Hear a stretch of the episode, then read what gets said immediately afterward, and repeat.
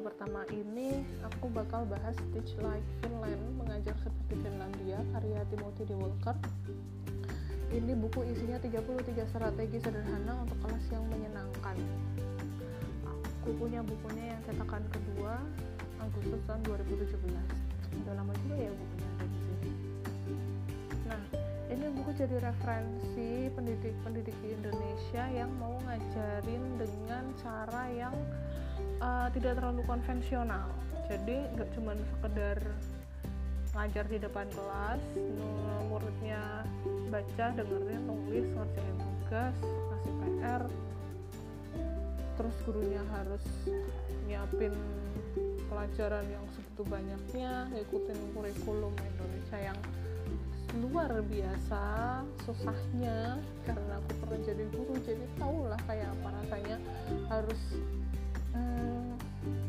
menyelesaikan semua dokumen-dokumen yang dibutuhkan sama dinas.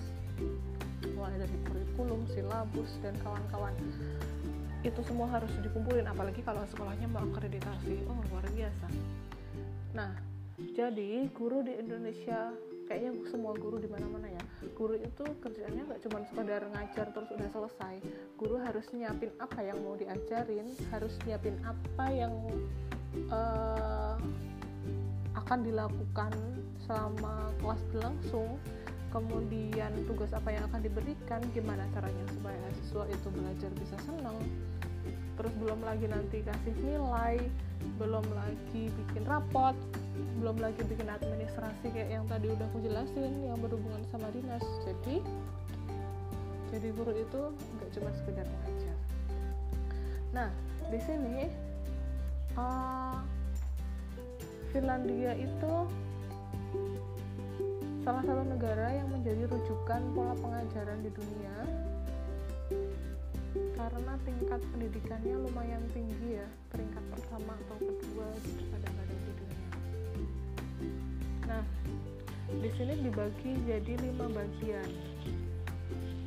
Titik beratnya di lima bagian yang pertama kesejahteraan yang kedua rasa dimiliki yang ketiga kemandirian yang keempat penguasaan yang kelima pola pikir. Nah uh, setelah aku baca ini poinnya adalah gimana caranya supaya kelas itu menyenangkan siswa itu senang belajar pelajaran yang diajarkan itu masuk ke siswa, siswa dengan senang hati menerima pelajaran, dengan senang hati mengerjakan tugasnya, dengan senang hati mau nyari tahu apa pelajarannya, mau nyari tahu apa yang dia butuhkan dan mau berusaha untuk mendapatkan itu. Dan dari sisi pengajar, gurunya juga bahagia dalam mengajar, gurunya senang, tidak punya tekanan, tidak e, mengajar itu bukan beban, e, jadi sama-sama senang gitu. Jadi nggak cuma sekedar kewajiban mengajar dan belajar ya tapi lebih dari itu. Nah di sini dijelaskan juga cara-caranya gimana. Jadi kalian harus baca kalau pengen tahu secara lebih detail gimana cara-cara teknik-teknik pengajaran kayak di Finlandia. Kayak aku kasih contoh yang mungkin udah umum ya. Uh, di Finlandia itu jam belajar itu disesuaikan dengan jam istirahat. Nah siapa bilang istirahat itu cuma butuh beberapa menit? Nah, jangan salah Ferguson. Jadi hmm, semakin kecil usia siswa itu mereka butuh waktu lebih banyak untuk refreshing.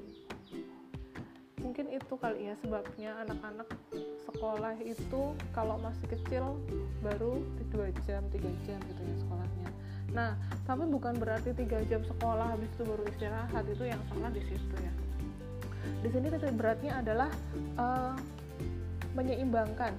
Jadi kapan harus belajar, kapan harus beristirahat. Kalau istirahat ya udah benar-benar istirahat. Jangan membahas pelajaran sama sekali. Biarkan aja mereka anak-anak itu keliling, jalan, bergerak kayak gitu. Jadi uh, ini ada hubungannya dengan yang pernah aku baca dulu udah dulu sih aku baca lupa. Uh, dulu aku pernah baca bahwa uh, manusia itu daya konsentrasinya itu berbanding lurus dengan usianya. Jadi kayak anak umur 7 tahun dia cuma bisa 7 menit konsentrasi. Habis itu mulai pudar konsentrasinya. Umur 10 tahun meningkat jadi 10 menit jadi kayak gitu. Nah jadi semakin kecil usia anak-anak harus berkonsentrasi dan harus fokus itu semakin sedikit pula kemampuan dia dalam konsentrasi. Nah, contoh lain lagi di sini adalah rasa memiliki, rasa dimiliki.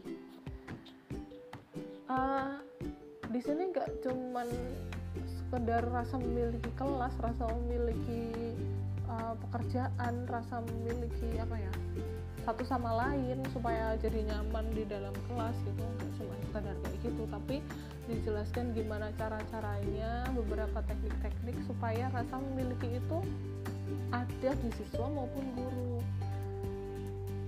Jadi guru tidak merasa menjadi beban wah ini anak-anak kelasku nih aku harus tanggung jawab penuh nih bukan kayak gitu. Kalau misalnya ada yang bermasalah gurunya stres sendiri tidak kayak gitu.